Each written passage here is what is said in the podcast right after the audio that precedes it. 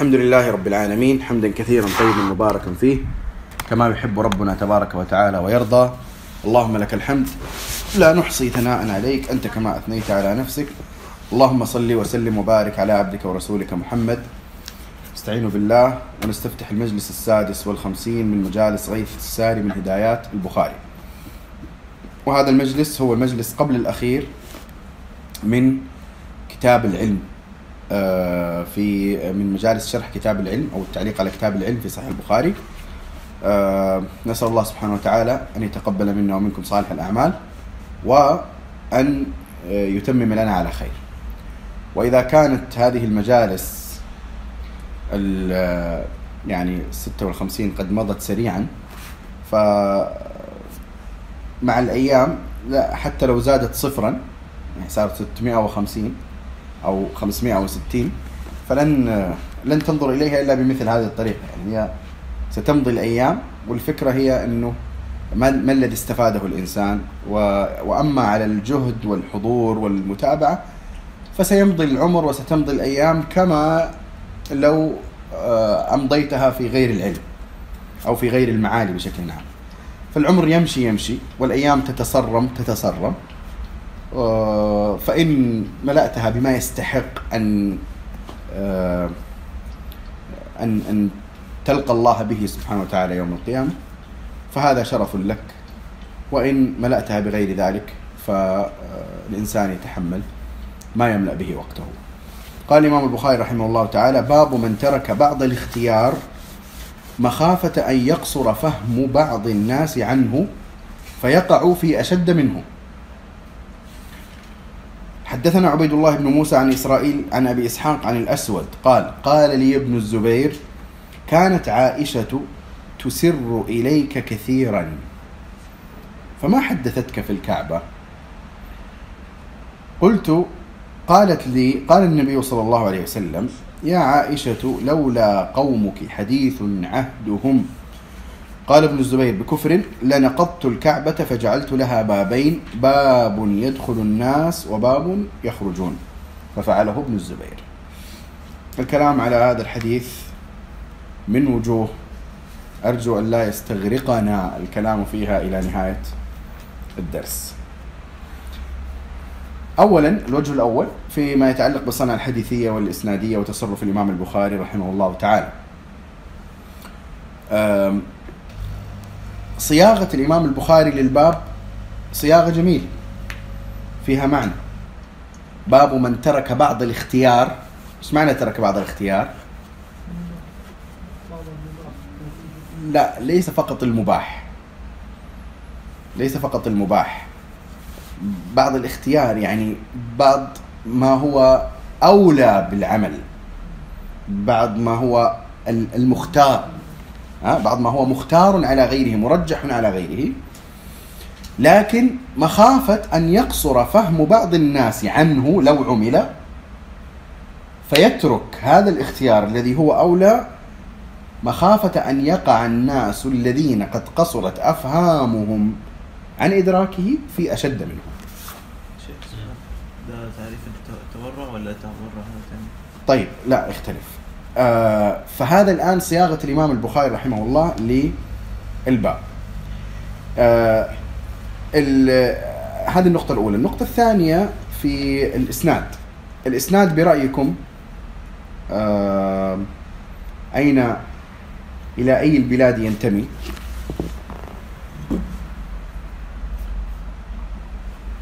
إلى أي البلاد إلى أي البلاد ينتمي هذا الإسناد؟ وهل هو إسناد هل هو إسناد كل كل الإسناد ينتمي إلى بلد معين؟ أو فيه وفيه. طيب هو عبيد الله بن موسى عن إسرائيل عن أبي إسحاق عن الأسود. كوفي. كوفي. وليس فيه وفيه بل هو كوفي إلى الأسود. أما ابن الزبير فمعروف مكي قال لي ابن الزبير لكن ابن الزبير هو الراوي يعني.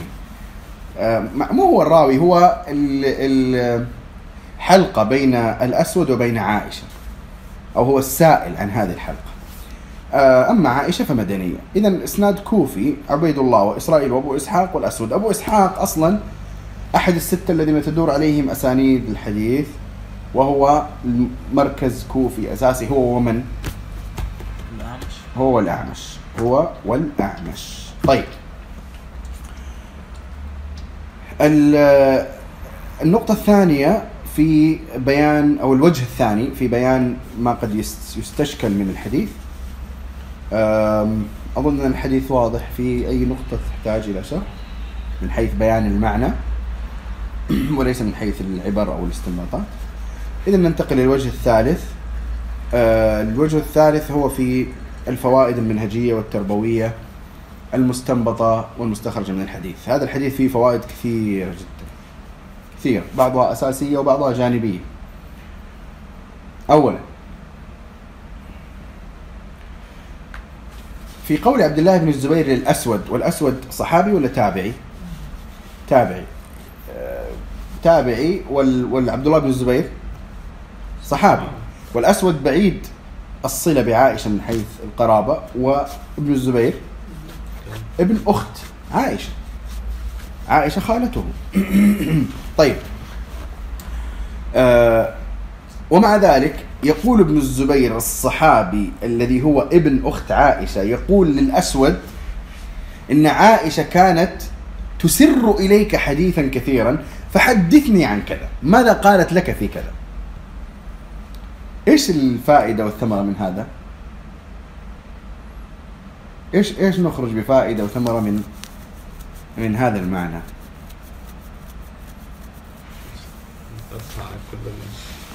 ها؟ لا حسد إلا في العلم، طيب جميل. أيضا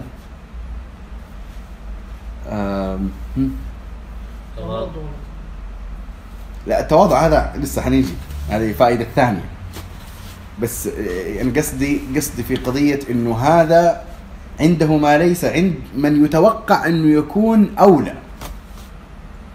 يعني لما تيجي تسأل السؤال كالتالي عندك الأسود تابعي آه كوفي كمان كوفي تمام؟ وعائشه مدنية. وعندك عبد الله بن الزبير ابن أخت عائشة وصحابي. طبعا صغير في السن صحيح ولكنه صحابي في الأخير. من المتوقع أن يكون أكثر رواية عن عائشة وأكثر علما بها؟ عبد الله بن الزبير. لكن عبد الله بن الزبير يأتي الاسود ويقول له إنه عائشة كانت تسر لك شيئا ف يعني ممكن تقول لي إيش قالت في كذا؟ آه الفائدة هي إنه آه مثل ما قال محمد إنه م- محب العلم أو محبة العلم قد تجعلك تسبق من لديه الظروف الأكثر موائمة منك من ظروفك في العلم لكن آه، تس- تسبق ولو في بعض الجوانب وتسبق ولو في بعض الجهات أو من بعض الجهات. فهنا الأسود كان لديه من العلم عن عائشة ما ليس عند ابن أختها الصحابي اللي هو عبد الله بن الزبير. فهذه هي الفائدة الأولى. ال- الفائدة الثانية هي التي تفضلتم بها أيضا وهي آه، التواضع في العلم. يعني عبد الله بن الزبير ليس فقط كصحابي وإنما ك أيضا كأمير كأمير. وأيهما أصعب أو يعتبر حاجزا أكبر في أن تأخذ من هو أصغر منك؟ الإمام نفسيا. الإمارة صح ولا لا؟ أنت أمير وصحابي وابن اخت عائشة وتجي تسأل واحد بعيد ها عن علم لعائشة اللي هي خالتك فهناك عوامل متعددة تدفع إلى أن لا يسأل عبد الله بن الزبير الأسود عن علم على الأقل على الأقل عن علم لعائشة ليس كذلك؟ فأن يسأله عن علم وأن يكون هذا العلم المسؤول عنه عن عائشة فهذا شيء يعني يدل على تواضع كبير في ال ال ال في تلك النفوس العالية آه أو عند تلك النفوس العالية. فهذه فائدة كبيرة جدا يجب يجب إنه إحنا ننتبه لها في أخلاق الاوائل. وما ضره يعني هل ضر ابن الزبير إنه يأخذ علم لعائشة فيها؟ ابدا. طيب الفائدة الثالثة هي إنه في المراحل الأولى مرحلة الصحابة ومن بعدهم كان العلم يتداول بين الرجال والنساء كان العلم يتداول بين الرجال والنساء وأولى النساء ب اتخاذ الإجراءات التحرزية من الناس هم زوجات النبي صلى الله عليه وسلم أليس كذلك؟ لماذا؟ لأنه قد نزلت لهن توصيات خاصة. ولعظم مكانة النبي صلى الله عليه وسلم كونهم يتصلون بهذا الشخص العظيم. ولذلك تعرف أن يعني الآيات اللي نزلت في سورة الأحزاب وإذا سألتموهن متاعا ها؟ فاسألوهن من وراء حجاب. إيه؟ وكذلك في نفس السورة ولا تخضعن بالقول. ولا يخضعن بالقول فيطمع الذي في قلب المرض. إلى آخره. آه، ومع ذلك عائشة رضي الله تعالى عنها كانت تعلم الناس وكانت تعلمهم من وراء حجاب. كانت تعلمهم من وراء حجاب. وكانت تعلمهم علما كثيرا طويلا. وهنا واضح أنها كانت تختص بعض الناس بالعلم. لأنه ابن الزبير يقول كانت تسر إليك كثيرا. ولذلك ننتقل إلى الفائدة الرابعة. وهي أنه من سمات العالم الفطن العالم المربي العالم ال- الذي الرباني الذي يربي الناس. جيد؟ يعني تعرفوا رباني أو كونوا ربانيين فيها معنيان. آه، فيها معنى التربية آه، بصغار العلم قبل كبار وفي معنى الربانية. فالعالم ال- الرباني الذي يربي هذا يجب أنه يكون يجب أن يكون علاقه تكون علاقته مع الطلاب ليست علاقة آه، الجمود والتساوي ليس التساوي في الحقوق وإنما التساوي في طبيعة ما يأخذون وفي طبيعة ما يتعامل به معهم. هنا عائشة كانت تخص الأسود بشيء فتسر إليه أو تسر إليه كثيرا وسيأتينا بعد قليل بإذن الله وهي عين الفائدة بل أوضح منها في الحديث ال- الذي سيأتي إن شاء الله اللي هو حديث معاذ الذي رواه أنس. لما النبي صلى الله عليه وسلم خصه آه، قال أفلا أبشر به الناس؟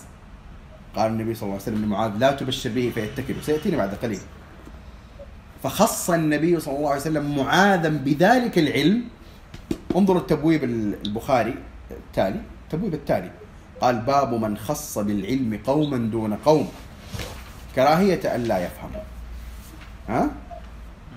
كراهية أن لا يفهموا ويمكن أن نقول باب من خص بالعلم قوما دون قوم لأولوية أن يفهموا أكثر من غيره. ها؟ نخبة الرواة. اي بالضبط. ف- فهنا عائشة رضي الله تعالى عنها كانت تخص الأسود بشيء لأنه أهل لأن يخص. أهل لأن يخص. فلا تدخل هذا الموضوع في موضوع التهميش اللي أخذناه. في المادة تلك. آه، فأن يكون الإنسان يستحق أن يخص بشيء هذا شيء آه، يعني سنة ماضية آه، لما يرى العالم أو المربي من أهلية في البعض لتلقي شيء زائد من العلم. إذا هذه أربع فوائد متعلقة بجملة قل لي كانت تسر إليك كثيرا فما حدثتك في الكعبة. هذه الجملة فيها هذه الأربع آه، فوائد. ثم تأتي الفائدة الخامسة وهي الفائدة المركزية والأساسية والتي لأجلها بوب البخاري هذا الباب. وهذه الفائدة مهمة جدا في منهجية آه، الدعوة وفي الحكمة فيها. وهي تخالف كثيرا منطق العجلة والتهور وعدم الحكمة في الدعوة. الآن النبي صلى الله عليه وسلم كان يتمنى أن لو جعل الكعبة على هيئة معينة. والفكرة أنه الكعبة ليست مبنية بناء كاملا. إلى الآن الكعبة ليست مبنية بناء كاملا. الحجر هذا الحجر حجر إسماعيل هو من الكعبة. حسن لماذا هو هكذا؟ جدار مقوس ليس هو من الكعبة. إيه لأن قريشا حين بنت الكعبة قصرت بها النفقة عن أن تكمل الكعبة بنفس البنيان. فبنت هذا الحجر جيد؟ فالنبي صلى الله عليه وسلم قال إيه طبعا غير قضية الباب البابين هذه. إنه النبي صلى الله عليه وسلم قال لو لولا يعني معنى الكلام لولا أني أخشى أن تستنكر قريش هدمي للكعبة ثم بنائي إياها مرة أخرى على الهيئة التي الكاملة التي أريد لفعلت ذلك فهو أفضل. ولكني تركت الأفضل خشية الفتنة. خشية الفتنة. أن يقولوا آه، محمد فتح مكة وجاء هدم الكعبة. واضح الفكرة؟ ابن الزبير طبعا فعل هذه القضية. ابن الزبير هدم الكعبة وبناها من جديد. على قواعد اسماعيل قواعد إبراهيم. وأدخل الحجر وجعل لها بابين. وهذا أصلا هو من هو هذا يعني اهتمامه أصلا بهذا الحديث. وسؤال الأسود ما حدثتك في الكعبة؟ لأنه كان لديه علم أو سماع في هذه القضية فيريد أن يفعل. جيد. ففعل فلما استولى ال- الأمويون على مكة وقتلوا ابن الزبير عن طريق الحجاج رجعوا فهدموا الكعبة وأرجعوها على ما كانت عليه. أرجعوها على ما كانت عليه. ثم بعد ذلك آه، بلغ آه، كان- من؟ عبد الملك بن مروان ولا الوليد؟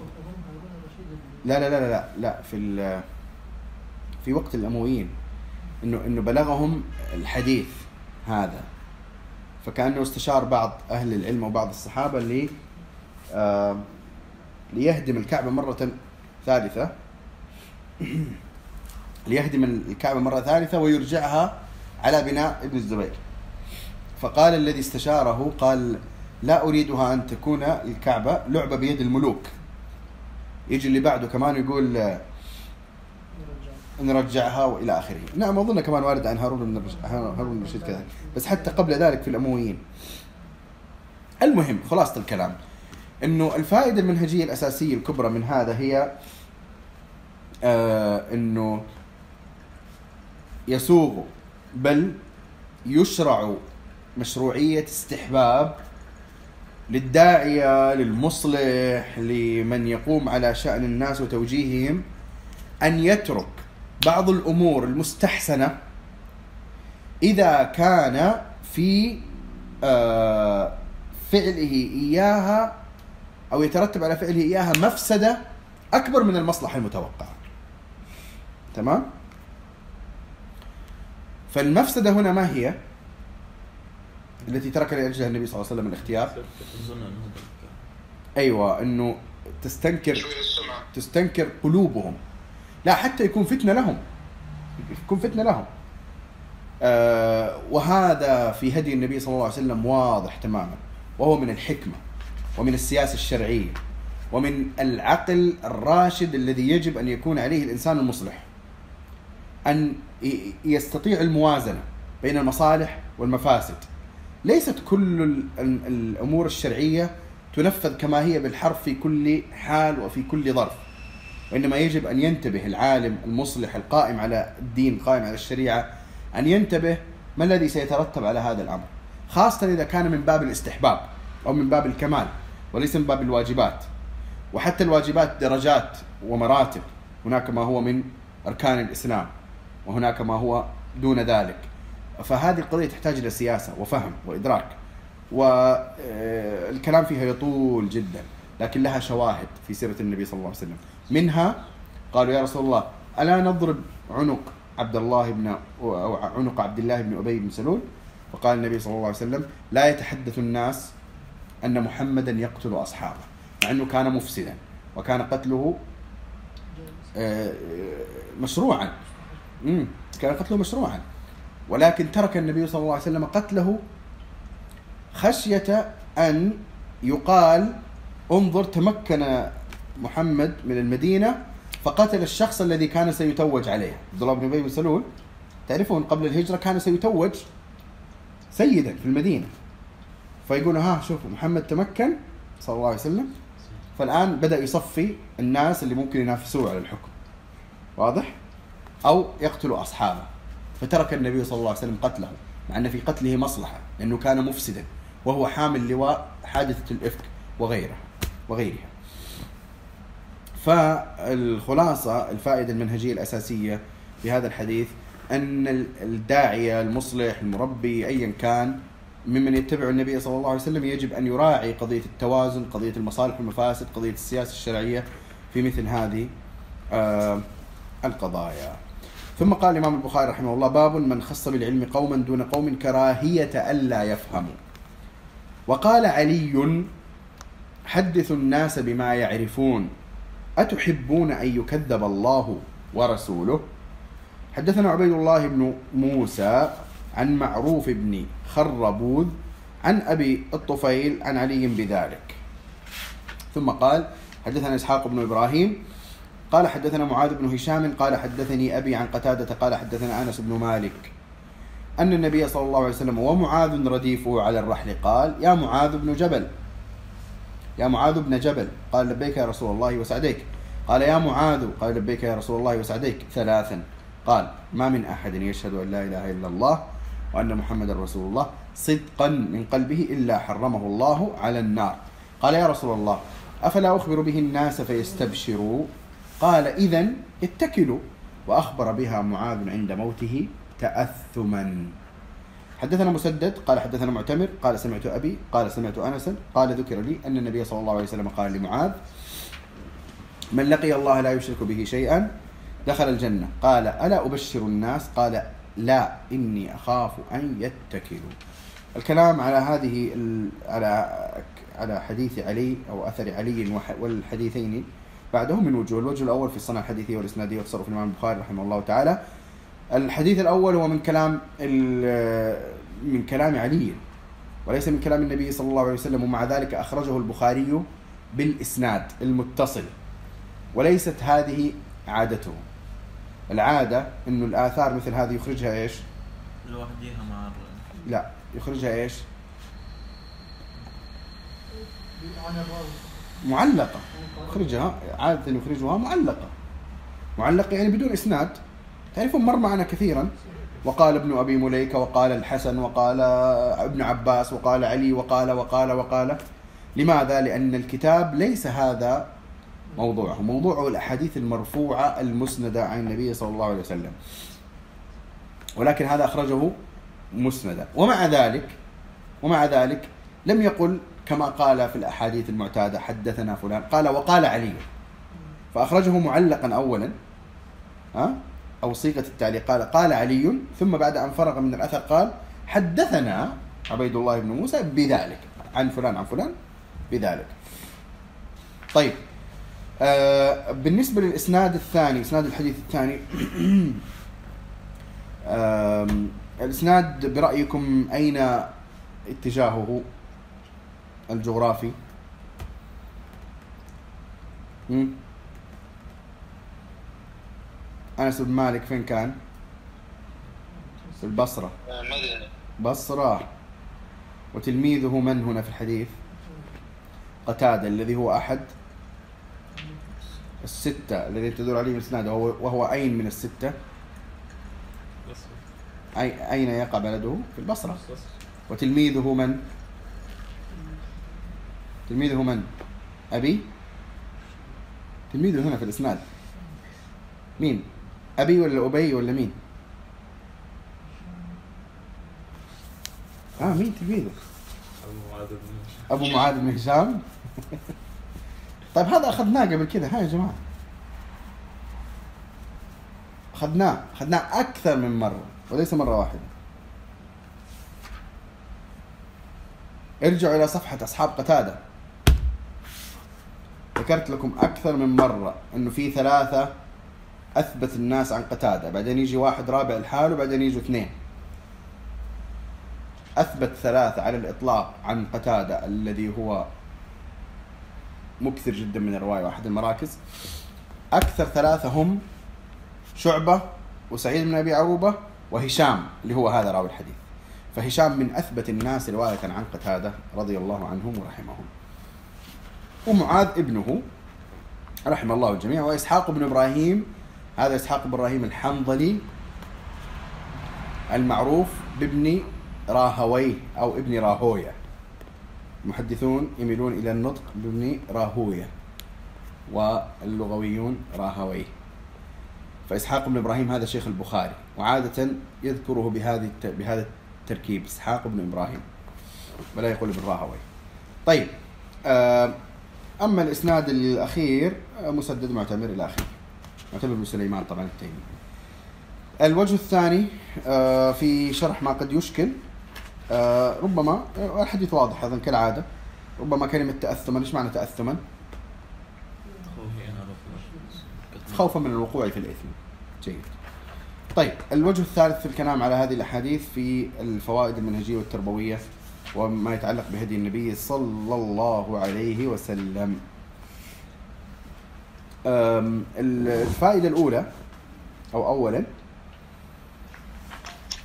نبدأ بهدي النبي صلى الله عليه وسلم. الفائدة الأولى هي آه، في طبيعة القرب الذي كان بين النبي صلى الله عليه وسلم وأصحابه. ولا يوجد إن سمينا تجوزا منصب ديني أو مقام ديني بعد النبي صلى الله عليه وسلم يمكن أن يداني ولا أن يقارب ولا أن يعني حتى يكون فيه شيء من مقام النبوة سواء كان قد لقب بقاضي القضاة مثلا على ما في هذا اللقب من إشكال أو بقاضي الحنفية ولا الشافعية ولا إلى آخره أو بمفتي البلد أو بشيخ الإسلام أو أيا كان هذه الألقاب كلها ليست إلا عالة على ميراث النبوة أليس كذلك؟ آه وأنت ترى أن كثيرا من ممن تلقب بهذه الألقاب يكون لا يكون فيه من القرب من تلاميذه وأصحابه كما كان النبي صلى الله عليه وسلم. ولا أريد أن أقول إنه ينبغي على كل عالم أن يكون كذلك. ولا أقول إنه ينبغي على كل عالم أن يكون كذلك، فإن العلماء يختلفون في وظائفهم وفي دورهم الإصلاحي أصلا. فمن العلماء من يكون دوره التعليم فقط أو القضاء فقط. أقصد أن هذا ما يستطيع أن يقوم به أساسا جيد فيكون فيه النقص باعتبار باعتبار معين ولكن من يريد أن يكون عالما مربيا ربانيا مصلحا فيجب أن يكون طبيعة تكون طبيعة تعامله مع أصحابه مع طلابه طبيعه يقتدي فيها بالنبي صلى الله عليه وسلم ومع الزمن آه، في التاريخ الإسلامي كثرت الرسوم والشكليات والمظاهر والألقاب على المناصب الدينية. ولم يكن العلماء سابقا يتميزون بلباس يميزهم عن غيرهم من الناس. لم يكونوا يتميزون بلباس يميزهم عن غيرهم من الناس، لم يكن هناك لباس خاص لإمام المسجد. لا على الرأس ولا على ولا على الملابس. ولم يكن هناك لباس خاص لشيخ البلد مثلا أو من يعلم آه، إمام إمام آه، البلد أو أو مفتيها آه، ثم تكاثرت هذه الحواجز والح- والحجب مع تكاثر أصلا المكدرات الأخرى من الناحية العلمية. حتى أنك ترى في العصور الوسيطة في التاريخ الإسلامي آه، ترى أن الالقاب التي يصدر بها الشخص العالم القاب أحيانا تكون أطول من نسبه منه إلى آه، الجد العاشر. فعلا يعني الإمام العلامة ونسيج وحده وأوحد زمانه وعلامة عصره وفريد دهره والمنشطر إلى خمسة أقسام إلى آخره. يعني عارف ألقاب ألقاب ألقاب ألقاب وأحيانا تجد في سيرة هذا هذا الشخص المترجم ما لا يعني ما ترى أنه بهذه الترجمة لا يستحق مثل هذه الأوصاف. آه، هذه الأوصاف. آه، على أن الإشكال ليس في إطلاق الوصف أساسا وإنما في المبالغة في هذه الأوصاف. مثل الآن اليوم عندنا ألقاب علمية أكاديمية معينة. آه، فأنت ترى أنه بعض الشرعيين أنا ما أتكلم عن غير الشرعيين الآن الشرعيين الذين تحصلوا على ألقاب معينة آه، أحيانا لا يرضى بأن يدعى بغير هذا اللقب. لا يرضى. جيد؟ مسألة إنه هل تدعوه أنت بهذا اللقب أو لا تدعوه؟ يعني من اللطافة وكذا والأدب إنك تدعو هذا شيء آخر. لكن أن أنت تق- أن تكون أنت لا ترضى إلا بأن تدعى ب ألف نقطة دال تمام؟ أستاذ دكتور أو بروف أو دكتور أو ايا كان آه فهذا يعني فيه ما فيه فيه ما فيه من الاشكال نرجع بالتاريخ إلى خير معلم وخير مربي وخير مصلح وخير إمام إلى آخره النبي صلى الله عليه وسلم. ترجع إلى هذا الحديث يقول لك أن النبي صلى الله عليه وسلم ومعاذ رديفه على الرحل معاذ رديفه على الرحل صورة يعني تكسر كل ال...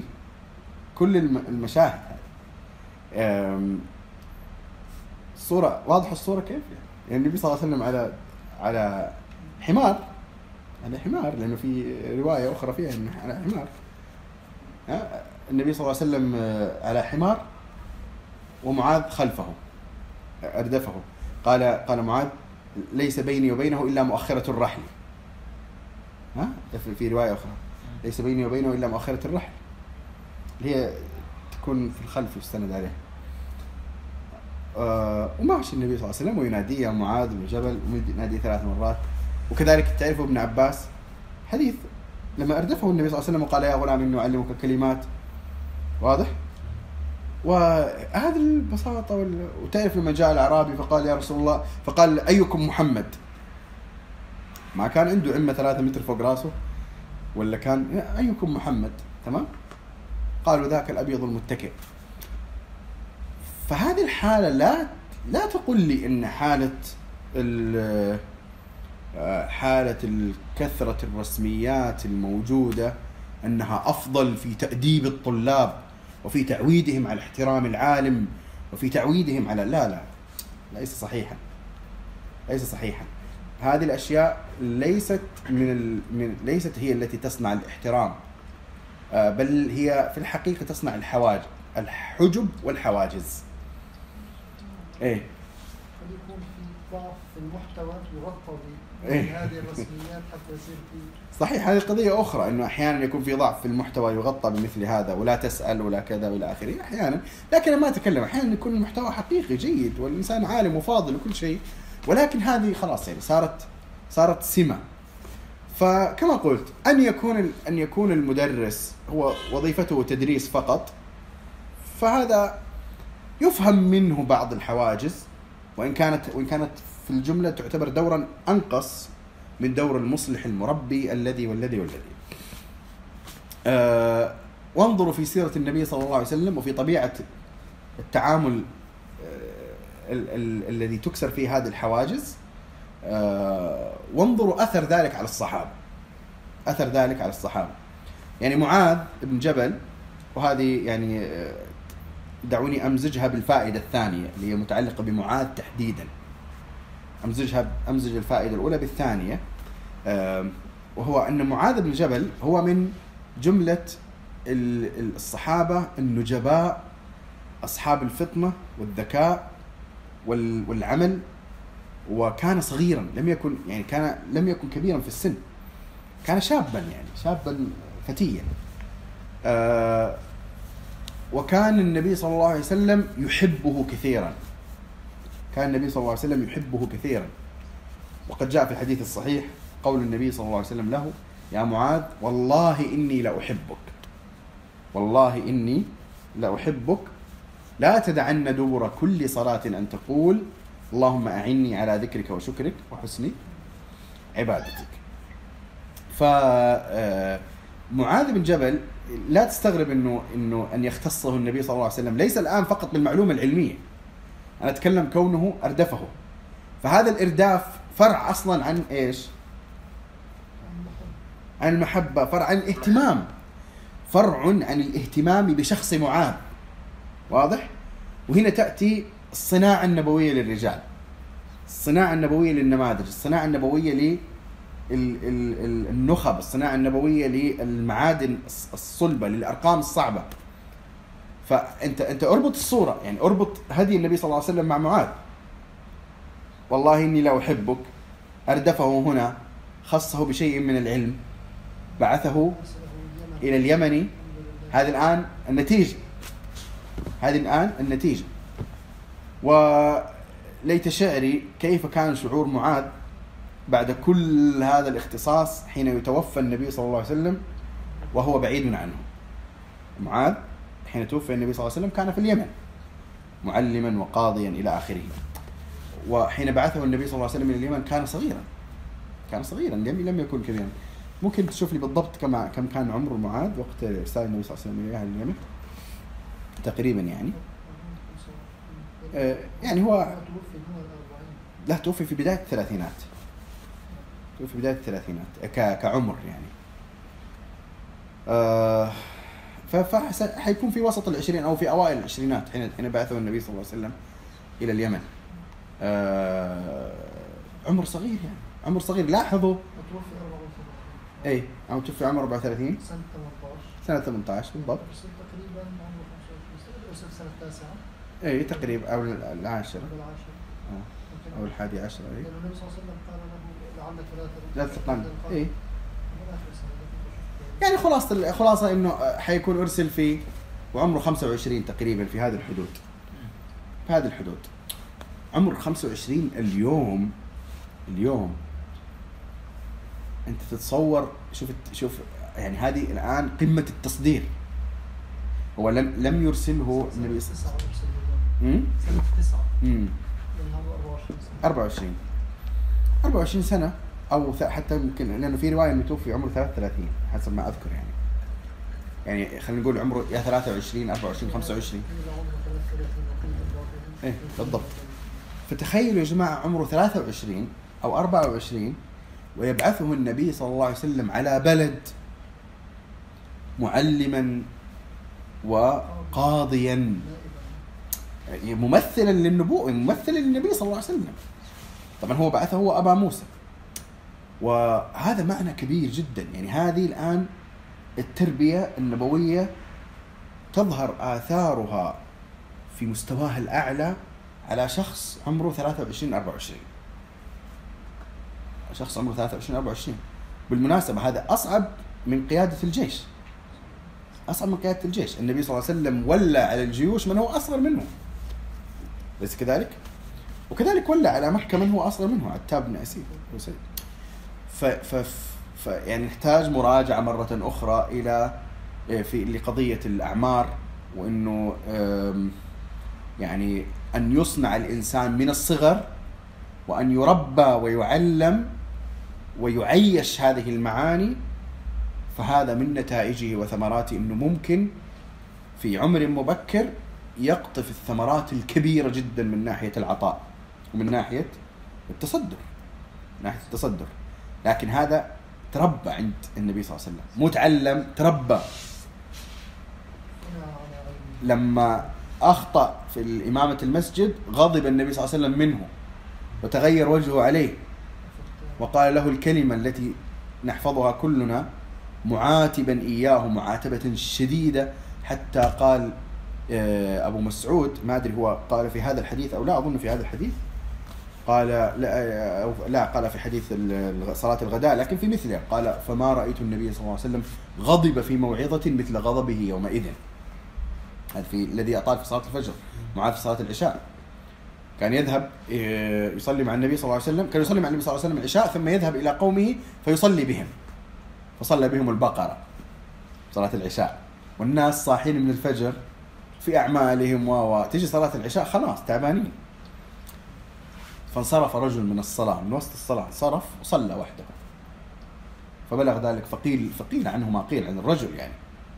فبلغ ذلك النبي صلى الله عليه وسلم فغضب غضبا شديدا من معاذ. وما قال كلام ما بال أقوام قال له أنت أفتان أنت يا معاذ؟ أفتان أنت يا معاذ؟ و- و- ويعتبر صوت آه، جلد به معاذ صوت معنوي ولكنه تربى يعني هي تربية تربية نبوية لمعاذ بن جبل وكأنك تقول أو كأنك تلمح أن النبي صلى الله عليه وسلم حين زجره بعينه وباسمه أنه يريد أن يصنعه هو واضح؟ لم يداره المداراة العامة اللي هي ما بال أقوام واضح؟ أو إن أقواما أو بلغني عن أقوام. لا هنا معاذ النبي صلى الله عليه وسلم يريد أن يصنع معاذا بعينه. طبعا هذا من الاختصاص. الاختصاص حتى في الغ... يعني وأنت تعلم واسألوني من كثر ما عانيت من الشباب المحترمين آه، كلما كان الشخص كلما تكون مؤملا في الطالب أكثر من غيره وتختصه أكثر من غيره وتتوقع منه أكثر من غيره يكون الخطأ منه أشد عليك وأصعب من خطأ غيره. لأنك أنت تؤمل في هذا بعينه أن يكون وأن يكون وأن يكون وأن يكون. فيكون الخطأ منه أشد. ولذلك تحتاج أحيانا أن تقسو عليه أحيانا. حتى يصلح حتى يصلح. قسى ليزدجروا إلى آخره. آه فمعاذ بن جبل معاذ بن جبل وعلاقته بالنبي صلى الله عليه وسلم وتربية النبي صلى الله عليه وسلم لمعاذ هذه قصة حقيقة يستحق أن آه، يستحق أن يتأملها الإنسان من جهات. المصلح يتأملها من الجهة التربوية أنه كيف هذا الاختصاص و و و. والطالب أو المتربي أو الذي يسير في طريق ال- الإصلاح يتعلم من معاذ. ما الذي وهذا أنا السؤال يعني بصراحة هو من الأسئلة اللي تلفت تلفت انتباهي دائما. آه، وأكثر ما لفت انتباهي في أسامة بن زيد. إنه ما الذي جعل النبي صلى الله عليه وسلم يختصهم هذا الاختصاص؟ ما الذي رأى منهم؟ لماذا؟ ما الذي تفرسه فيهم؟ ما المواقف التي عملوها فأحدثت حالة المحبة الشديدة من النبي صلى الله عليه وسلم لهم حتى وصف أسامة بأنه حب رسول الله. وحب رسول الله. هذا الآن صار لقب. ولقب هذه أعظم بكثير من أنك تقول كان الرسول يحبه. أليس كذلك؟ صلى الله عليه وسلم. فأن تقول كان الرسول صلى الله عليه وسلم يحب فلانا هذا شيء وأن تقول فلان حب رسول الله هذا شيء آخر. طيب أسامة بن زيد كان عمره كان صغيرا. كان صغيرا. جيد؟ يعني توفي النبي صلى الله عليه وسلم وهو دون العشرين. دون العشرين لما توفي. معناه إنه كل الصحبة هذه كانت ومعاذ أقل من 20 يعني نتكلم عن 15 14 16 هذا هذا العمر. أو حتى أقل. إنه يعتبر من بداية الهجرة. ف إيش اللي رآه النبي صلى الله عليه وسلم من أسامة بن زيد حتى كان حب رسول الله؟ أما أبوه فلا تستغرب صح؟ كان متب... كان قد تبناه. ورباه. وهو أول من أسلم من الموالي. جيد. فأن يكون زيد حب رسول الله صلى الله عليه وسلم فهذا مفهوم. لكن ما الذي لفت انتباه النبي صلى الله عليه وسلم في أسامة؟ ما الذي لفت انتباهه في أسامة؟ ما الذي لفت انتباهه في معاذ؟ حتى جعل لهم النبي صلى الله عليه وسلم هذا ال- الاختصاص. ولاحظوا هي القضية ليست إنه الطالب يحاول يلفت انتباه أو ليس الصحابي هو الذي كان يحاول يلفت انتباه النبي صلى الله عليه وسلم. يعني ليست هي إنه أنا هنا يا رسول الله. لا. هي القضية كانت إنه النبي صلى الله عليه وسلم هو الذي كان يلاحظ هو الذي كان يختص هو الذي كان يرى فيهم هو الذي كان يقرأ فيهم هو الذي كان يقرأ فيهم. وعموما هذه مدرسة يعني هذه مدرسة مدرسة تعامل النبي صلى الله عليه وسلم مع الصحابة الذين يصنعهم للمستقبل يصنعهم لأمته. هذه مدرسة كبيرة جدا في طبيعة التعامل النبوي مع آه، الصحابة. وفي نفس هذا الحديث معاذ بن جبل انظر الرد. الآن يا معاذ بن جبل أو يا معاذ بن جبل هنا ال... هل الحدث الحدث ليس حدثا استثنائيا. يعني بمعنى إنه هو من جملة إنه يعني عادي ساير النبي صلى الله عليه وسلم مع معاذ بن جبل ماشيين في الطريق. فينادي مناداه الذي التي يظهر منها أنه أريد أن أقول لك شيئا. واضح؟ أو ربما يطلب منه شيئا من الأشياء. لكن معاذ ال- الشاب الثقف اللقن اللبق يعرف كيف يتعامل مع النبي صلى الله عليه وسلم. فالنبي صلى الله عليه وسلم يقول له يا معاذ. هو يقول لبيك يا رسول الله وسعديك. لبيك وسعديك. يعني بلهجتنا العامية مع إنه ترى عندنا يعني في في بعض القبائل إلى الآن يقول بس يقول لبيه. لما تيجي تناديه يقول لك لبيه. ترى يستعملوها مع العزيز مع الشخص العزيز عليهم وما أجملها ما ألطفها. لها لها كذا لها فخامة لها دلالة. آه وتذكرت الآن حديث في سنن أبي داود لما نادى النبي صلى الله عليه وسلم بلالا قال فانتفض انتفاضة الطائر. وقال لبيك يا رسول الله. سعديك. أيضا هم يعني هم يعرفون كيف يتعاملون مع النبي صلى الله عليه وسلم. فقال لبيك يا رسول الله وسعديك. لبيك يا رسول الله وسعديك. آه وقالها ثلاثة. آه إذا هاتان فائدتان آه، ممتزجتان ببعضهما مت... آه، يعني متعلقة ب هدي النبي صلى الله عليه وسلم مع أصحابه وبساطة التعامل وعدم الحواجز والرسميات. ومن جهة أخرى آه، تميز بعض أصحابه واختصاص النبي صلى الله عليه وسلم لهم ومعرفته آه، لمراتبهم وتفاوتهم في العلم وفي العمل وفي النباهة وما إلى ذلك. الفائدة الثالثة آم، هي في استعمال الأساليب استعمال النبي صلى الله عليه وسلم للأساليب ال- آه، التي تلفت الانتباه. وهذا كما مر المفترض انه هذا من المشاريع في غيث الساري. ما أدري إن شاء الله يكون أحد منكم أخذها. إن شاء الله يكون أحد منكم أخذ هذا المشروع اللي هو مشروع ال- أساليب النبي صلى الله عليه وسلم في التعبير في البيان في لفت الانتباه في الشرح. هذا متكرر وهو من أهم المشاريع في غيث الساري حقيقة. أتمنى انه يكون بعضكم قد تكفل بهذا المشروع. آه، لاحظوا هنا ممكن النبي صلى الله عليه وسلم يقول يا معاذ لبيك فيقول الحديث لا. قال يا معاذ بن جبل. لبيك يا رسول الله وسعديك. يا معاذ ابن جبل. لبيك يا رسول الله وسعديك. يا معاذ بن جبل. ثلاث مرات. هذا الأسلوب أسلوب لفت انتباه لفت انتباه. وكما قلت سابقا حين قال النبي صلى الله عليه وسلم أي يوم هذا؟ قال الصحابة فتعجبنا حتى ظننا أنه سيسميه بغير اسمه لأنه ممكن تنسى أي يوم تكون فيه إلا هذا اليوم يوم النحر وهم في الحج. هم في يوم اللي ينحروا فيه. أي شهر هذا؟ عارفين. أي بلد هذا؟ إحنا جايين الحج عارفين البلد. فهذا الأسلوب أسلوب إثارة انتباه شديد جدا. قال فإن دماءكم وأموالكم وأعراضكم عليكم حرام كحرمة يومكم هذا في شهركم هذا في بلدكم هذا. هنا تحط النقطة وتقفل الكتاب خلاص. معلومة وصلت كأعلى ما يمكن من الوصول. كأعلى ما يمكن من الوصول.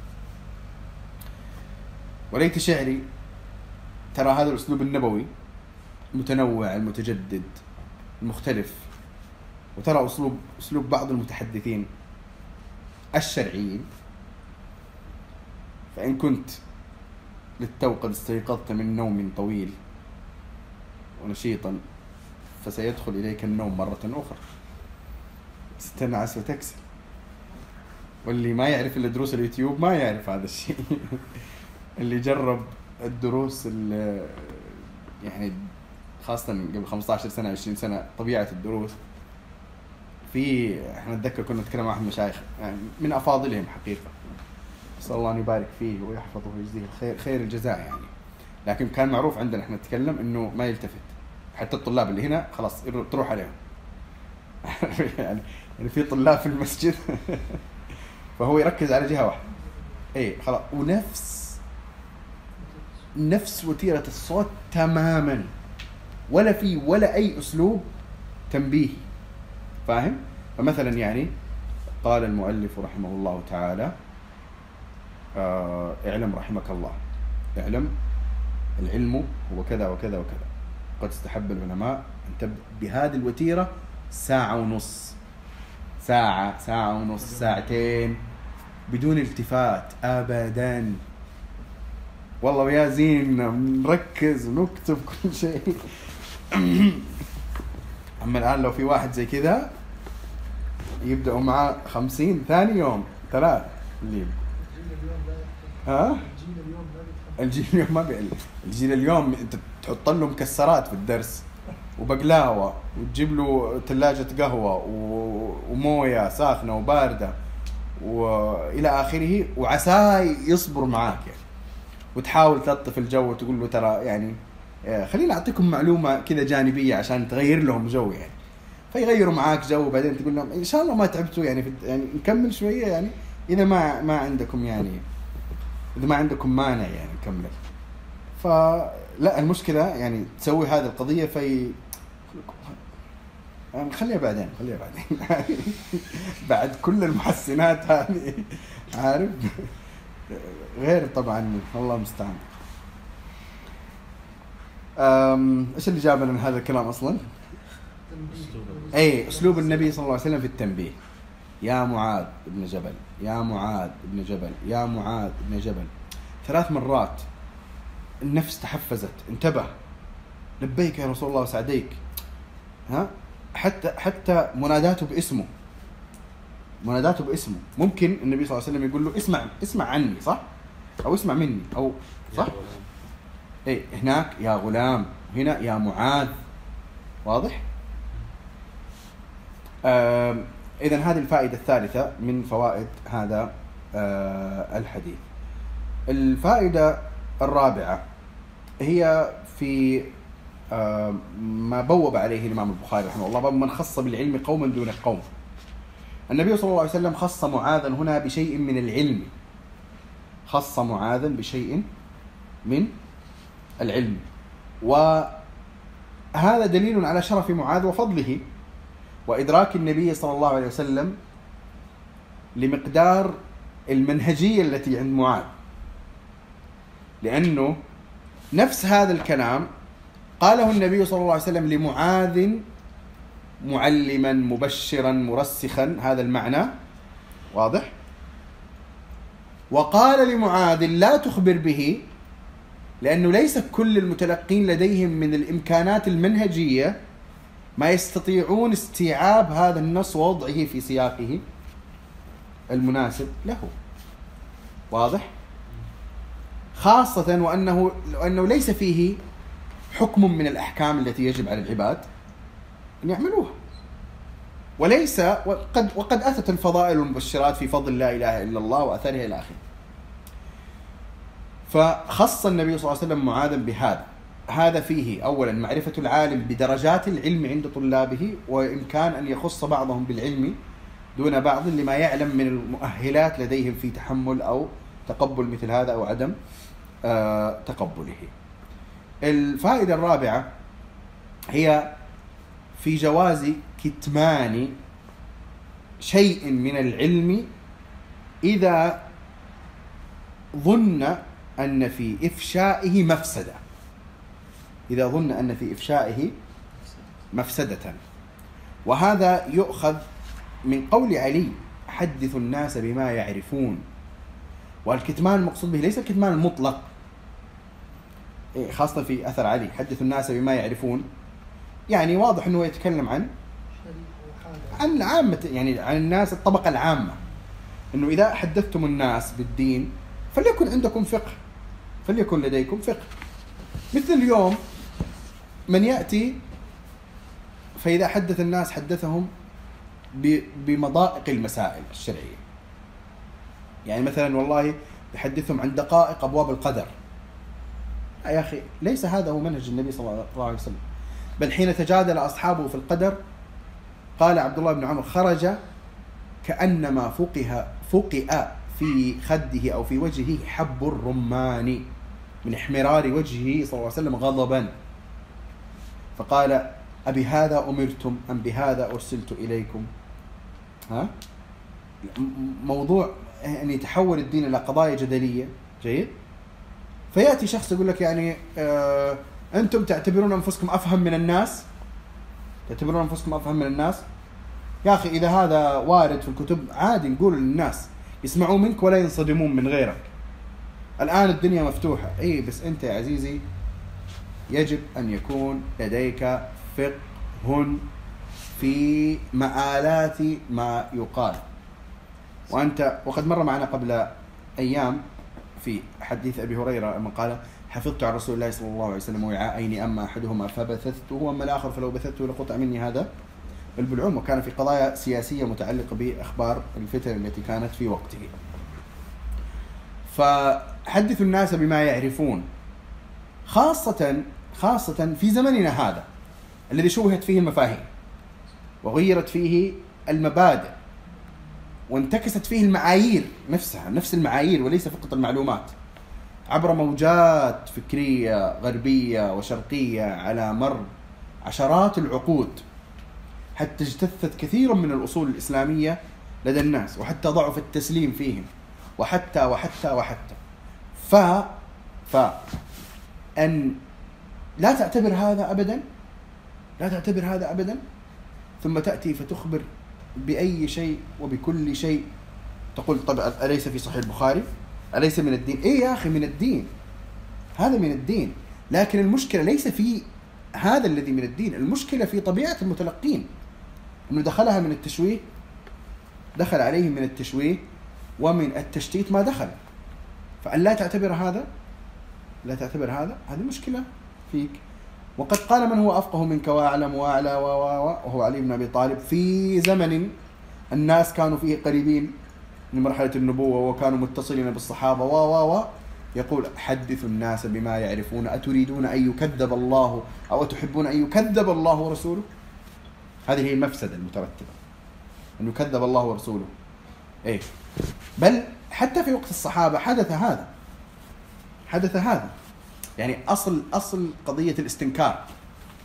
فعمر بن الخطاب تعرفون لما سمع رجل يقرأ بقراءة على غير الحرف الذي علمه إياه النبي صلى الله عليه وسلم قال هممت أن أساوره في الصلاة. كان بيقطع عليه الصلاة عمر بن الخطاب كان بيمسكه والجميل إنه الاثنين يمكن ذكرت أسامة. ابن مسعود وعمر ابن مسعود سمع واحد قال آه، فلما فرغ أخذت بيده إلى النبي صلى الله عليه وسلم. شوف الطبع.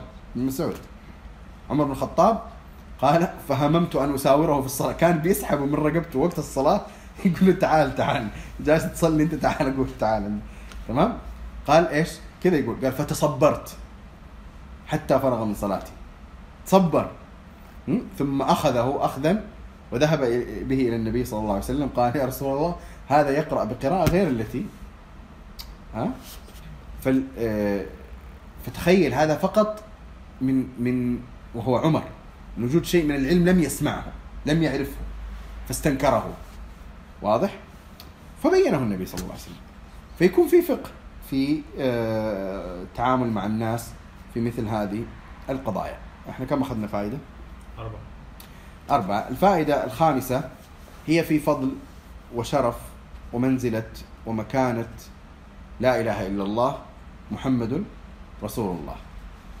وكما سبق التنبيه آه، في مرة سابقة أنه أحيانا نغفل عن فضل القضايا المتعلقة بأصول الإسلام.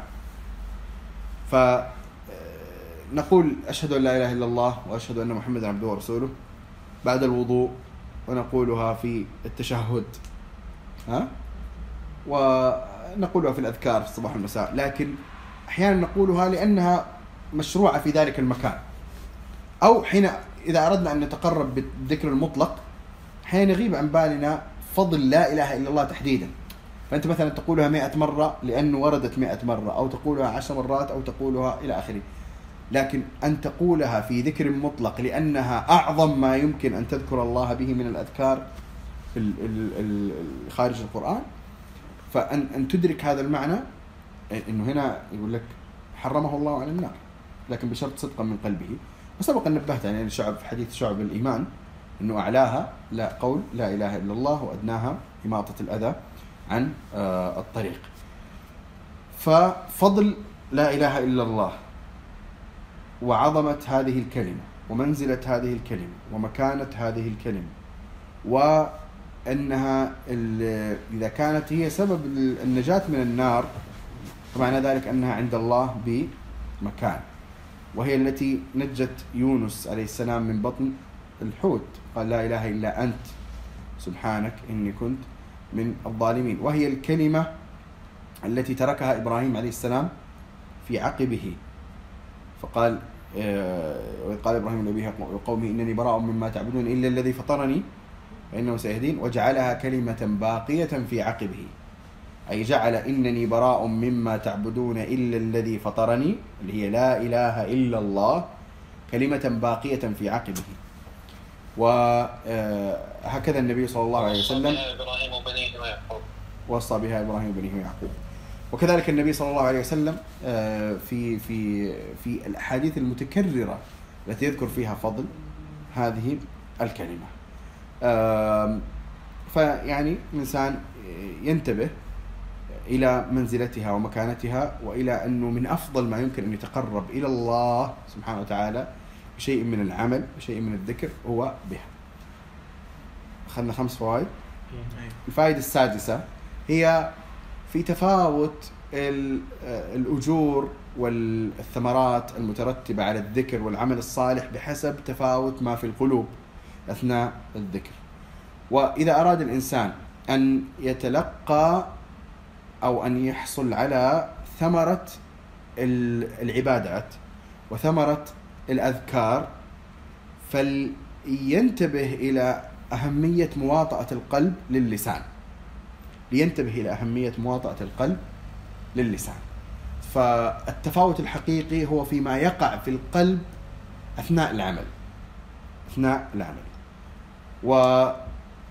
وكم بين بين مصل ومصل يتجاوران في المكان ويتلاصقان في الأقدام والمناكب.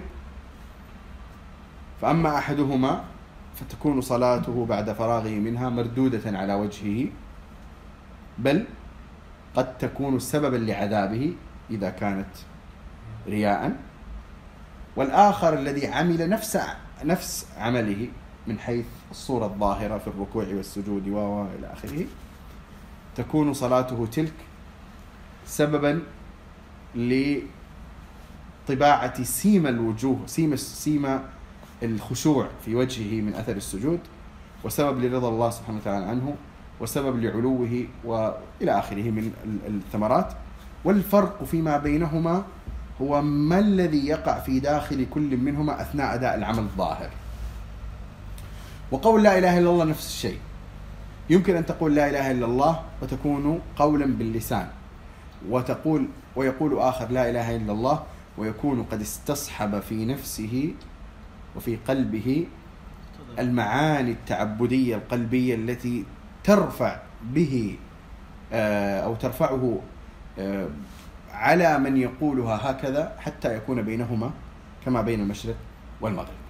وإذا كان وإذا كان العمل يتفاوت بحسب ما في القلوب فإن المنازل في الآخرة تتفاوت بحسب هذا التفاوت. وقد قال النبي صلى الله عليه وسلم إن أهل الجنة ليتراءون أهل الغرف كما تتراءون الكوكب الدري الغابرة في السماء. شفت إذا طلعت بالليل شاهدت النجوم؟ تشوف الكوكب؟ ها؟ كوكب بعيد. هذاك المشتري ولا هذاك الزهرة ولا هذاك. كوكب هناك وأهل الجنة في الجنة ينظرون هناك يرون أصحاب الغرف. منازل عالية بين أهل الجنة وبينهم مسافات. فقال الصحابة يا رسول الله تلك منازل الأنبياء لا يبلغها أحد غيرهم. فقال النبي صلى الله عليه وسلم كلمة. أنت أنت يعني النبي صلى الله عليه وسلم حين يقول هذا الكلام الآن أنت تنتظر أنه يكون فيه عمل خاص أو لا. قال كلمة تعتبر أساسية ولكن هي راجعة والله أعلم إلى ما مقدار المصاحبة القلبية لهذا العمل. قالوا يا رسول الله تلك منازل الأنبياء. لا يبلغها أحد غيرهم فقال النبي صلى الله عليه وسلم بلى والذي نفسي بيده رجال آمنوا بالله وصدقوا المرسلين السؤال هل يدخل الجنة أحد لا يؤمن بالله أو لم يصدق بالمرسلين؟ ها؟ طيب حين يقول النبي صلى الله عليه وسلم عمن يراهم أهل الجنة فوقهم إن سبب كون هؤلاء فوق هؤلاء أو أن هؤلاء فوق أولئك أنهم آمنوا بالله وصدقوا المرسلين. طيب واللي تحت؟ آمنوا بالله وصدقوا المرسلين. إذا ما ما الفرق؟ ما الذي فاوت بينهم؟ هو الله أعلم مقدار التصديق مقدار ما يقع في القلب. آمنوا بالله آمنوا بالله هل تريد هل تفهم من آمنوا بالله أنهم اعترفوا أنه هو الرب؟ وأنه لا إله إلا هو فقط. ها؟ أو الإيمان الذي ذكره الله في سورة الحجرات قل لم تؤمنوا ولكن قولوا أسلمنا. ولما يدخل الإيمان في قلوبكم هؤلاء الذين قال الله فيهم قولوا أسلمنا لا تقولوا آمنا لم تؤمنوا قولوا أسلمنا. اختلف العلماء هل هم منافقون أم أناس لم يحققوا حقيقة الإيمان؟ ويرجح طائفة من محقق أهل العلم أنهم ليسوا منافقين لم يكونوا منافقين. أنه قال ولما يدخل الإيمان في قلوبكم ولما تستعمل لما ينتظر وقوعه ولما يقع بعد لكن يت- يتوقع وقوعه. أما المنافقون فمنافقون. قال ولما يدخل الإيمان في قلوبكم لم يدخل بعد سينتظر. حسنا. إيش الآية اللي بعدها؟ إيش الآية اللي بعدها؟ إنما المؤمنون ها؟ إيش الآية اللي بعدها؟ إنما المؤمنون الذين آمنوا بالله ورسوله ثم لم يرتابوا وجاهدوا بأموالهم وأنفسهم في سبيل الله أولئك هم الصادقون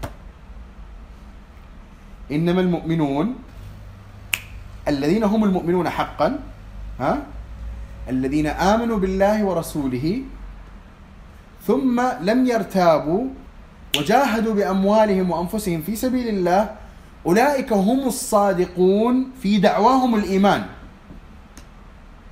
أولئك هم الصادقون في دعواهم الإيمان. أما أن تقول إنك مؤمن ثم لا يصدق عملك قولك ولا يكون لديك من من الاستعداد للتضحية في سبيل الله المعبر عنها هنا ب وجاهدوا. ولا يكون لديك من اليقين الذي يقيك من الشبهات المعبر عنه به. ثم لم يرتابوا. ثم تقول إنك مؤمن. فهذا ليس هو الإيمان الذي قال النبي صلى الله عليه وسلم فيه. بلى والذي نفسي بيده رجال آمنوا بالله. وصدقوا المرسلين. فإن أردت مطلق التصديق ومطلق الإيمان فالذين في المنزل الدنيا فالذين هم في المنزل الدنيا آمنوا بالله وصدقوا المرسلين. وإلا لما دخلوا الجنة أصلا هل يدخل الجنة أحد لا يؤمن بالله؟ أو لا يصدق المرسلين؟ هم آمنوا بالله وصدقوا المرسلين فدخلوا الجنة. ولكن من فوقهم من أصحاب الغرف آمنوا بالله وصدقوا المرسلين ولكن بدرجة مختلفة تماما. والعظيم والعجيب أن النبي صلى الله عليه وسلم لم يذكر عملا من الأعمال الظاهرة كان سببا في تفضيل بهذا التفضيل. وإن كان هناك أعمال ظاهرة تفضل. وإنما ذكر الأصل الذي يؤدي إلى هذا التفاوت. وهل برأيكم هل برأيكم إذا كان الأصل متفاوتا ألا يتفاوت بسبب ذلك العمل؟ ها؟ ألا يتفاوت؟ يتفاوت. حتى حتى العمل الظاهر الذي ذكر النبي صلى الله عليه وسلم تفاوت أهل الجنة فيه وهو إيش؟ واحد من الأعمال التي ذكر النبي صلى الله عليه وسلم التفاوت الكبير بين أهل الجنة فيه إيش؟ جهاد في سبيل الله بل بل هذا ذكره الله في القرآن فقال سبحانه وتعالى لا يستوي القاعدون من المؤمنين غير أولي الضرر والمجاهدون في في والمجاهدون في سبيل الله بأموالهم وأنفسهم. فضل الله المجاهدين بأموالهم وأنفسهم على القاعدين درجة. وفضل الله المجاهدين على القاعدين أجرا عظيما درجات منه ومغفرة ورحمة. وقال أبو سعيد عن النبي صلى الله عليه وسلم إن في الجنة مئة درجة أعدها الله للمجاهدين في سبيله. قال آه، في رواية صحيح مسلم. قال النبي صلى الله عليه وسلم من رضي بالله ربا وبالإسلام دينا ومحمد صلى الله عليه وسلم نبي- نبيا وجبت له الجنة. فقال أبو سعيد ما أعجب هذا؟ صحيح مسلم. قال ألا أدلك على ما هو أعجب؟ إن في الجنة مئة درجة. تكون للمجاهدين في سبيل الله أو كما قال النبي صلى الله عليه وسلم. هذا الآن عمل ظاهر تفاوت لأجله أهل الجنة. طيب ما الرابط بين هذا العمل الظاهر وبين العمل الباطن الذي ذكرته قبل قليل في حديث النبي صلى الله عليه وسلم الذي جعل أهل الجنة يتراءون أهل الغرف في السماء كما يتراءى الكوكب الدري الغابر أين أين تقع حلقة الوصل؟ آية هي الرابطة بين الحديثين هيا الحديث الأول إيش؟ بلى والذي نفسي بيده رجال آمنوا بالله وصدقوا المرسلين صح؟ كان هذا الحديث كما قلت سبب التفضيل فيه بين أهل الجنة وبين أصحاب الغرف أن أولئك آمنوا بالله وصدقوا المرسلين وتكلمنا عنه الحديث الثاني إحنا قلت هنا تفضيل بالعمل الباطن صح؟ أو ذكر العمل الباطن وإن كان العمل الباطن يستلزم تفاضلا أيضا في العمل الظاهر الحديث الآخر في الجنة مئة درجة أعدها الله للمجاهدين في سبيله. هل هذا يختلف عن ذاك؟ يعني اختلافا جذريا أو في تلا في توافق في تقاطع في تلازم؟ نعم هناك تقاطع وتلازم. في آية تربط بينهما. هي ذكرتها اليوم قبل قليل ذكرته لا في سورة الحجرات. سورة الحجرات إنما المؤمنون بلى والذي نفسي بيده رجال آمنوا بالله. إنما المؤمنون الذين آمنوا بالله ورسوله ثم لم يرتابوا وجاهدوا بأموالهم وأنفسهم في سبيل الله. لم يرتابوا لم يرتابوا اللي هو اليقين اللي هو صدقوا المرسلين. وحتى آمنوا بالله. ولكن لوازم التفاضل في الإيمان والتصديق هو التفاضل في العمل والوصول إلى أعظم ثمرتين يظهر أعظم ثمرتين تظهران على من يتفاوت إيمانه أو يتعالى إيمانه على عموم المؤمنين ما هما هاتان الثمرتان؟ في كلمتين ما هما؟ التضحية جيد إذا أردنا أن نأتي بها في الآية اليقين والجهاد اليقين والجهاد هنا يمكن أن تستبدل يعني مثلا كلمة الجهاد يمكن أن تأتي بمرادفات لها فتقول أيضا إيش تضحية في سبيل الله البذل في سبيل الله القدرة على تحمل المشاق في سبيل الله الد- الدعوة إلى الله وتحمل ما واضح الفكرة؟ واضح؟ فهي أنتم أيها الأعراب تقولون إنكم آمنتم والله يقول لكم لم تؤمنوا ولكن قولوا أسلمنا مع أنهم لم يكونوا منافقين. لكن إذا كنتم مؤمنين حقا فلا بد أن تأتوا بما يصدق دعوى إيمانكم. فقال إنما المؤمنون الذين آمنوا بالله ورسوله ثم لم يرتابوا وجاهدوا بأموالهم وأنفسهم في سبيل الله أولئك هم الصادقون. أما من يدعي أنه مؤمن ثم لا يكون منه يقين ولا جهاد أو ولا تضحية ولا ولا فلا تقل آمنت. قل أسلمت. ولذلك من عيون كلام أهل العلم مما سمعت وقرأت كلام ابن تيمية رحمه الله تعالى. وذاك الكلام كلام عجيب جدا في هذا المعنى تحديدا. قال وعامة الناس وعامة الناس. إذا أسلموا بعد كفر أو ولدوا على الإسلام لا يكون معهم من المحبة لله ورسوله أو لا يكون معهم من اليقين ما يدرأ عنهم الريب ولا من المحبة لله ورسوله ما يجعلهم يقدمونه على الأهل والمال. هذه ثم لم يرتابوا وجاهدوا نفسها. لم يكن معهم من اليقين ما يدرؤون به الريب ولا معهم من المحبة لله ورسوله ما يقدمونه على الأهل والمال.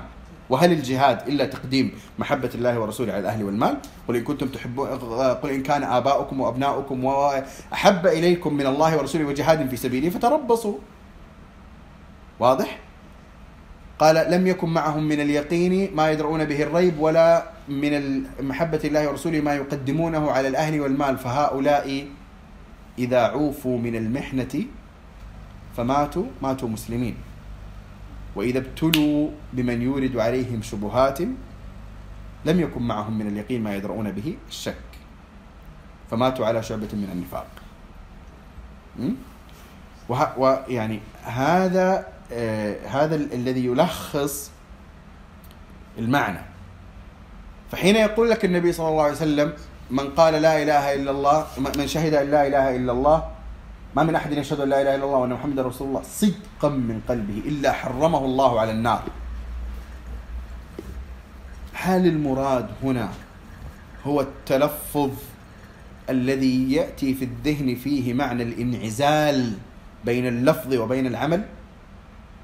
لا قال صدقا من قلبه فإذا كان صدقا من قلبه ينطبق عليه ما قيل في سورة الحجرات ما قاله الله في سورة الحجرات. سؤال. قال الأعراب أشهد أن لا إله إلا الله وأشهد أن محمد رسول الله. وإلا لما قال الله لهم قولوا؟ أسلمنا. إذا لم يكونوا قد شهدوا أن لا إله إلا الله وأن محمد رسول الله لم يكن لم يقل الله لهم قولوا. أسلمنا. ما دام قال لهم قولوا أسلمنا معناه أنهم شهدوا أن لا إله إلا الله وأن محمدا رسول الله. ولكن هنا تأتي حقيقة الرسالة المحمدية. وخلاصة النور القرآني وخلاصة ما خلق الله لأجل السماوات والأرض. القضية ليست كلاما يقال وإنما هو شهادة منبعثة. من عمل القلب وحركته وليس من عمل اللسان وحركته. وعمل القلب وحركته تستلزم استلزاما وثيقا لا يمكن أن يتخلف عنه العمل. تستلزم العمل استلزاما وثيقا وإلا لما كان القلب صادقا وإذا لم يكن القلب صادقا لم يتحقق فيه حرمه الله على النار. واضح الفكرة؟ فهي بهذا التلازم. ولما كان بعض الناس يمكن أن يفهم من هذا المعنى غير آه، صورته الظاهرة قال النبي صلى الله عليه وسلم لمعاذ لا تبشر به الناس فيتكلوا. فأخبر بها معاذ عند موته تاثما. أخبر بها معاذ عند موته تاثما. فخلاصة القول هي أن ما يتفاضل به أهل الجنة وما يتفاضل به أهل الإيمان لا تبحث فيه عن دقائق الأعمال الظاهرة حتى يرجو الإنسان أن يكون في الدرجات العلى. وهذا خطأ يقع فيه كثير من العاملين إنه يعني يبحث عن دقائق دقائق دقائق الأعمال التي تفضله على غيره ليس رياء لأنه يريد فعلا رضا الله سبحانه وتعالى ممتاز جيد لكن لا تبتعد عن المركز مركز الإسلام اللي هو أصول الإسلام توحيد الله.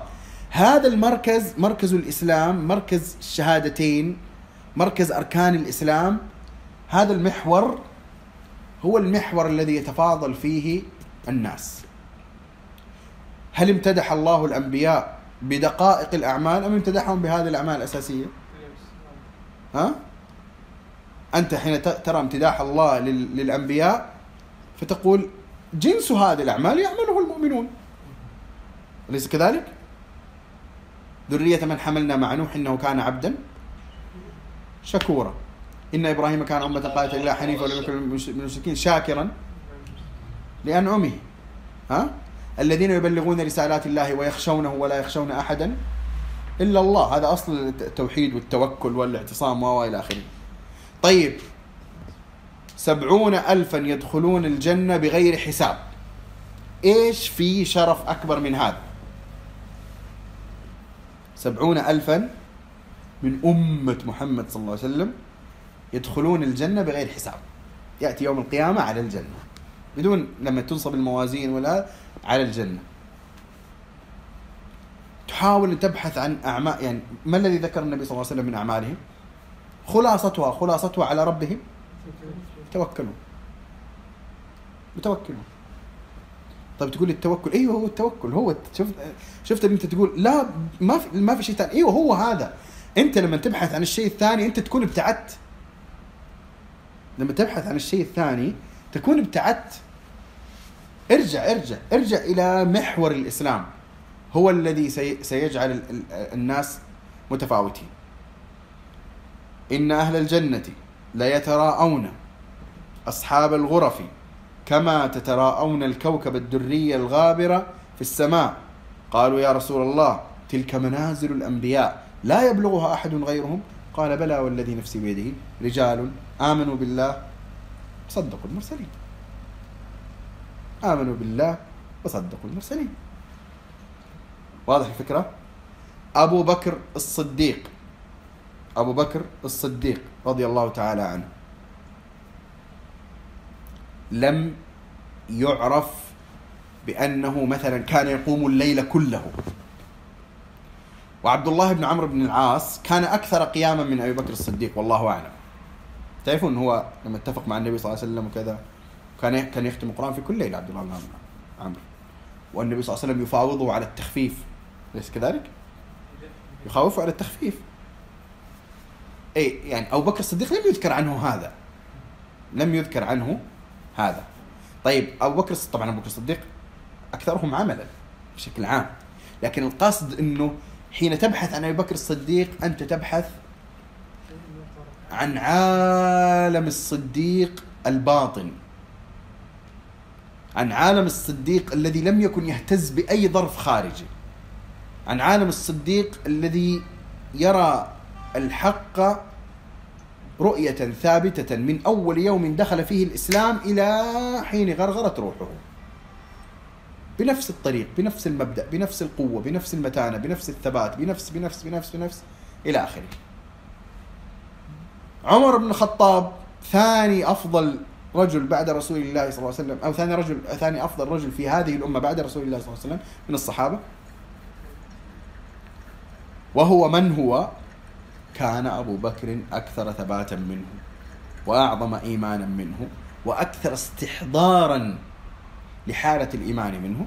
ولذلك لما جاءت الحديبية ثبت أبو بكر ثباتا تاما مستقيما ليس فيه لحظة اضطراب. وحين توفي النبي صلى الله عليه وسلم كان مستحضرا المعنى استحضارا تاما واستطاع أن يستجلب الآية. ولا تقل لي حافظين الآية. اشهد وفاة النبي صلى الله عليه وسلم ثم استحضر الآية. ها؟ عمر. قال والله كأني كأني أسمعها. كأني أول مرة أسمعها يعني كأني أول مرة أسمع هذه الآية. ما ما كأنه سمعها قبل ذلك. عمر رضي الله تعالى عنه. فتتقول لي استحضر لا أبو بكر الصديق يستحضرها تماما تماما تماما. آه إلى آخره من المش... ف... فالفكرة هي أنه إذا أردنا المنازل العليا في الجنة وإذا أردنا أعلى ما يمكن أن يدخله أن يناله الإنسان من الخير والثواب فلا تبتعد عن محور الإسلام الأساسي. ولا تنظر في الأطراف وفي دقائق الأعمال وفي دقائق السنن. لا ليس هذا هو معيار التفاضل. إنما معيار التفاضل هو المحور. إيش المحور؟ الذي يعرفه الجميع التسليم التصديق التوكل المحبة الإنابة التوبة الدعاء الانكسار شهادة ال- ال- التوحيد الاعتصام. آه، هذا المحور رأيته هو الذي رفع أولئك إلى الغرف. العلي. ها؟ وكل التفاصيل كل التفاصيل ناتجة عنه. كل التفاصيل ناتجة عنه. وكلما كان الإنسان أكثر تحقيقا لهذا المحور كان أتبع للأنبياء. تعرفون الأنبياء رسالتهم واحدة من حيث الأصل.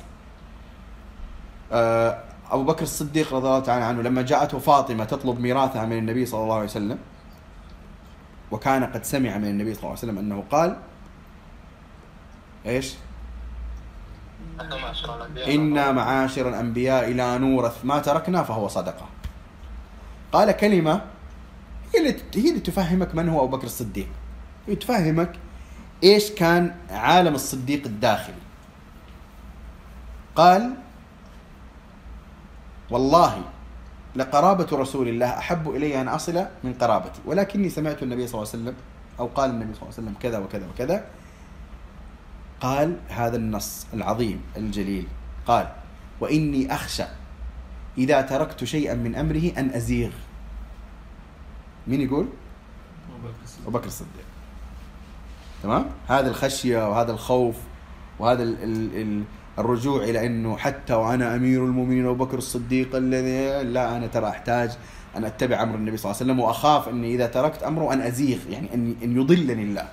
لأنه قال الله سبحانه وتعالى فليحذر الذين يخالفون عن أمره أن تصيبهم فتنة أو يصيبهم عذاب أليم. أي هذا أبو بكر الصديق. قال كما في البخاري لما جاء آه، جاء رجل إلى أبو بكر الصديق وأتى له بطعام فأكل ثم ثم آه، فهم أبو بكر الصديق أنه كان هذا الطعام بثمن كهانة تكهن بها هذا في الجاهلية اللي هو خادم ومولى كان كاهن في الجاهلية زمان. فلقي قوما الذين تكهن لهم سابقا وأعطوه ثمن كهانته. فاشترى بهذا المال طعاما. فأتى به إلى أبي بكر الصديق. فلما علم أبو بكر الصديق أدخل يده في فمه فقاء الطعام. تمام؟ إيه هذا أبو بكر الصديق. الخشية والورع والخوف من الله وال... والاقتراب من ال... هذا هو الدين. هذا هو الذي رفعهم. تخيل انظر هذه الصورة وانتقل ببصرك إلى الصورة الأخرى. التي نعاني من من من كثير من مشاهدها اليوم. صورة القلب الخاوي من الخشوع من المحبة الحقيقية من الصدق الحقيقي من التواضع من الأدب مع الله التواضع للمؤمنين إلى آخره والأدب مع الله من ومن ومن ومن والظاهر الممتلئ بالمظاهر. ممتلئ بالمظاهر.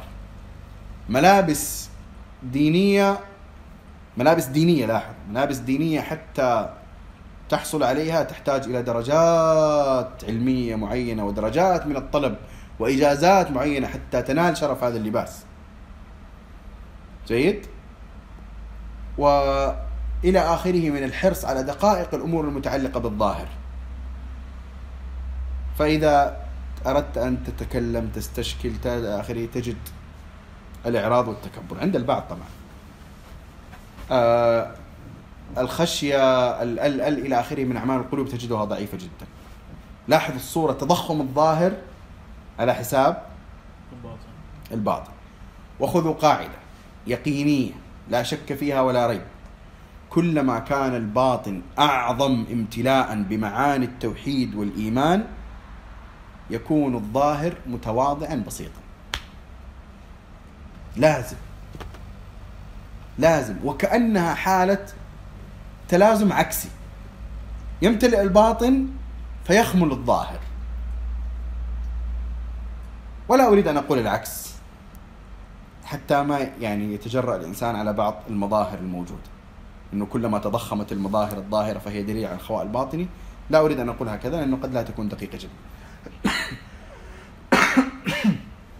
لكن أن أن يكون امتلاء الباطن إيمانيا سببا الاستغناء عن المظاهر فهذا في تلازم. استغناء عن المظاهر لاحظا عارفين القصد يعني. مو القصد ال- عدم التجمل ولا عدم ظهور أثر النعمة ولا أتكلم عن ملابس ما يحتاج هذه الاحترازات يعني. أنا أتكلم عن الرسوم وعن التكلفات وعن وعن وعن. إيه. حقيقة ما ودي أنا أنهي الكلام مع أني طولت عليكم جدا لكن آه هذا الموضوع موضوع أصل الإسلام موضوع آه فلك الرسالة المحمدية موضوع خلاصة رسالة الأنبياء موضوع آه ال- الأعمال الباطنة أعمال القلوب آه هو حقيقة ما يريده الله من عباده. وهو الحق الواضح السهل الذي أراد النبي صلى الله عليه وسلم أن يوصله لأصحابه وقد أوصله. حين كانوا يسألون بعض الأسئلة فيقول ذروني ما تركتكم إنما أهلك من كان قبلكم كثرة مسائلهم واختلافهم على أنبيائهم. ما أمرتكم بأمر فأتوا منه ما استطعتم وما نهيتكم عن شيء فاجتنبوه. إيه هذا هذا الإسلام خلاص. يا رسول الله قل لي في الإسلام قولا لا أسأل عنه أحدا بعدك. إيش؟ قل آمنت بالله ثم استقم. بس كذا أيوه هو بس كذا هو إيش تبغى ثاني؟ هو هذا الإسلام يعني. ما يحتاج إيش أقول؟ ما يحتاج أوصيك وصايا.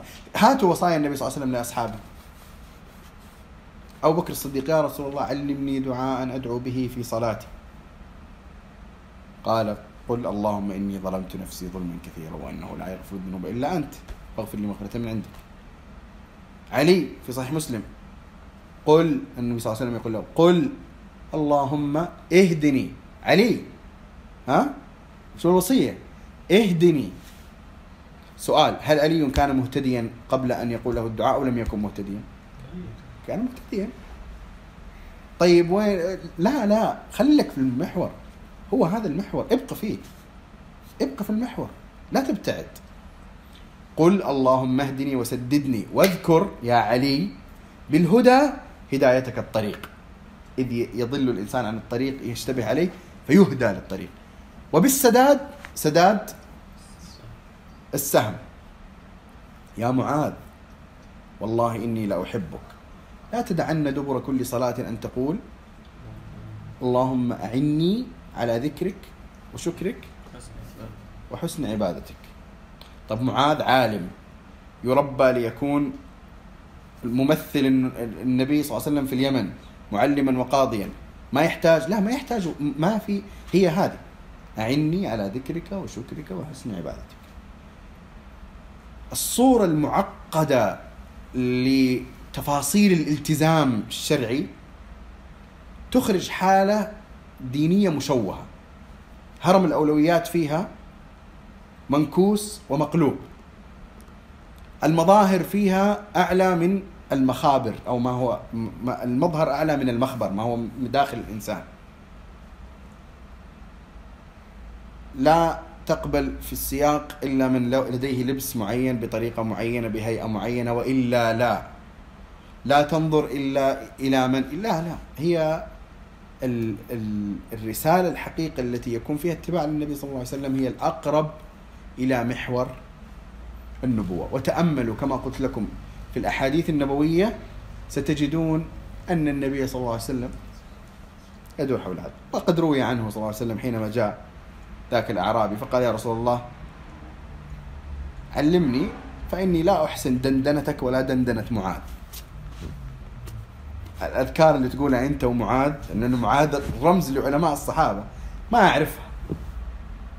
ف يعني إنه أنا الجنة والنار هذا اللي أسأل الله الجنة وأعوذ بالله من النار.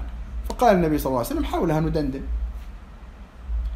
طيب النبي صلى الله عليه وسلم يقول آه، المرء مع من أحب. قال أنس ما فرحت بشيء سمعته من النبي صلى الله عليه وسلم كهذا. طب هذا إيش هو؟ أنت ترى إيش؟ بسيط صح؟ قال فأنا والله أحب رسول الله وأبا بكر وعمر فأرجو أن أكون معهم. هذا أنس بن مالك اللي خدم النبي صلى الله عليه وسلم عشر سنوات و هي هي هكذا بسيطة. هي هكذا بسيطة. كيف أحب كيف يحبني الله سبحانه وتعالى؟ وما تقرب إلي عبدي بشيء أحب إلي من إيش؟ افترضت عليه اي بس أنا أبغى لا هي هو هكذا. تريد أن يحبك الله أحسن أفضل شيء تتقرب به إلى الله ما افترضه عليك. أداء مفترض. عليك ثم بعد ذلك لا يزال عبدي يتقرب إلي بالنوافل حتى أحبه. عموما آه نسأل الله سبحانه وتعالى بأسمائه الحسنى وصفاته العلى أن يرزقنا الفقه في الدين. ونسأله سبحانه أن يجعلنا من الصادقين وأن يجعلنا من المتوكلين. ونسأله سبحانه أن يجمعنا عند حوض نبيه صلى الله عليه وسلم وأن يجعلنا يوم الفزع الأكبر من الآمنين. ونسأله سبحانه وتعالى أن يجعلنا من أصحاب الغرف في الجنة. اللهم آمين.